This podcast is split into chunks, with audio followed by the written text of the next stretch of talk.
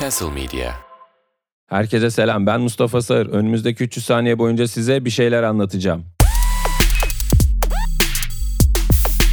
Yeni yıl geliyor. Hepimiz heyecanlıyız. Tüm dünyada yeni yıl kutlamaları başlayacak. Biz de evimizde oturup aha Avustralya girdi. O şimdi Japonya girer kesin. Hindistan mı girdi? Aa bize de geliyor falan gibi saçma sapan yükseleceğiz. O doğru an geldiğinde de ondan geriye doğru saymaya başlayacağız. En sevdiğimiz insana sarılıp onu öpeceğiz. Hindi yiyeceğiz, çerez yiyeceğiz. Gece işte böyle saçma sapan bir program varsa bir de üstüne onu seyredeceğiz. Hayvan gibi zil zurna içip gece yatacağız. Sabahta kalkıp iğrenç bir hangoverla yeni yıla girmiş olacağız.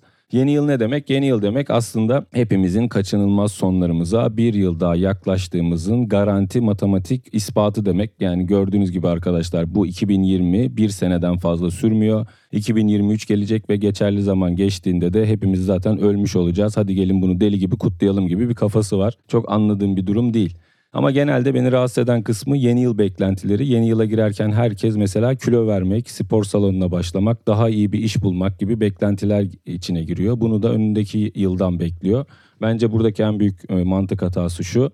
Yeni yıl bir yıl sürüyor. Yani bir yıl insanın kilo vermesi için ya da yeni bir işe girebilmesi için gerçekten çok kısa bir süre. Yani bir yıldan bu kadar yüksek beklentilere girmek bilmiyorum bence biraz abartı gibi geliyor bana. Yani yeni yıl artarken, yıl sayısı artarken sen kilo rakamının düşmesi istiyorsun ama bu normal şartlar altında ikisi paralel hareket edeceklerdir. Zaten yeni yıl beklentilerin yaklaşık %90'ından fazlası da gerçekleştirilemiyormuş. Çok normal.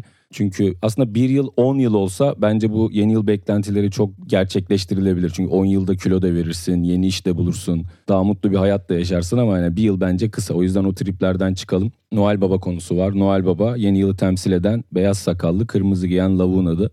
Bu herifi şu anda daha çok alışveriş merkezlerinde saçma sapan e, oyuncak dükkanlarına adam çağırmaya çalışan loserlar gibi görsek de aslında zamanında bayağı cool bir adamdı. Tüm Avrupa'ya Noel Baba Noel Baba diye yerinden oynuyordu ki kendisi gerçek bir şahıs bile değil.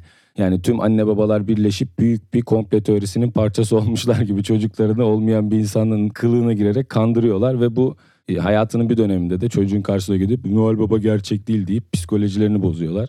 Bizde de tabii özenti alışveriş merkezlerde bu biraz gelir düzeyi yüksek anne babalar aman bizim çocuğumuz Amerika'da yaşamıyormuş gibi hissetmesin kafasında oldukları için oralarda da yeterince Noel Baba görebilirsiniz. İslamcıların Noel Babalarla çok ciddi problemleri var. Ee, Noel Baba bıçaklıyorlar. İşte İslamcılar da şunu diyorlar. Diyorlar ki arkadaşlar madem yani doğum günü kutluyorsunuz başkasının peygamberinin doğum gününü kutlamayın. Bizim peygamberimizin zaten doğum günü var diye sinirleniyorlar. Orada bir doğum günü kıskançlığı gibi bir şey var. İlla bizim istediğimiz doğum günü kutlansın diye. Ki bu istisnayı bozan sadece bir adam var. Eski Refah Partili Yeni Mesih Hasan Mezarcı. Kendisi eskiden Noel Baba'dan nefret edip yeni yıl kutlayan kafirdir dediği halde şu anda bizzat kendi doğum gününü kutluyor. Yani çok ciddi bir değişim yaşamış durumda. Bu bize ümit verir mi bilmiyorum ki gerçi kendisi dün e, doğum gününü kutladı. Ben e, Twitter'dan seyretmek bana nasip oldu. Bu aralar çünkü peygamber görmek herkese nasip oluyor. İnternet çok iyi çünkü. Ee, ve şöyle bir doğum günüydü. Pasta vardı. Pastanın üstünde 2023 yazan mumlar vardı ve Fanta ve kola vardı. Yani Hasan Mezarcı sanki bir önceki hali yani ilk İsa son yemeğinde olan alkol olayını kaldırmış. Çünkü son içtiğimizde ne olduğunu biliyorsunuz. Çok başımıza kötü şeyler geldi. Çarmıha gerildik falan. Hep birlikte bir gerildik gibi şeyler demiş olabilir bilmiyorum.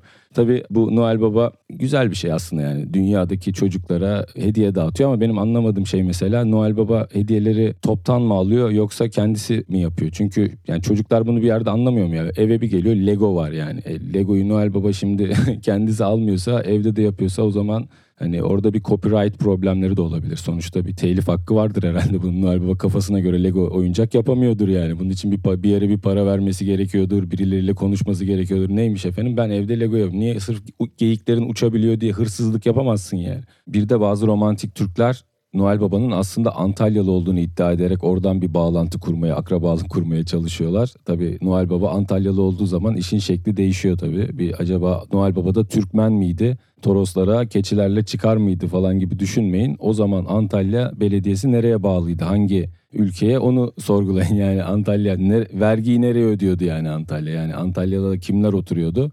Yani düşündüğünüz gibi çıkmayabilir durum. Yani Noel Baba Antalyalı diye sizin akrabanız olmak zorunda değil Buradan beni dinleyen herkese yeni yılda en güzel mutlulukların, en sevdiği şeyleri onları bulmasını diliyorum. Tabii benim dilediğim olsaydı burada bu saçma podcast'i çekiyor olmazdım. Zaten gösterilerim doluyor olurdu. Ona göre siz oradan başlayın. Bir sonraki bölümde görüşmek üzere.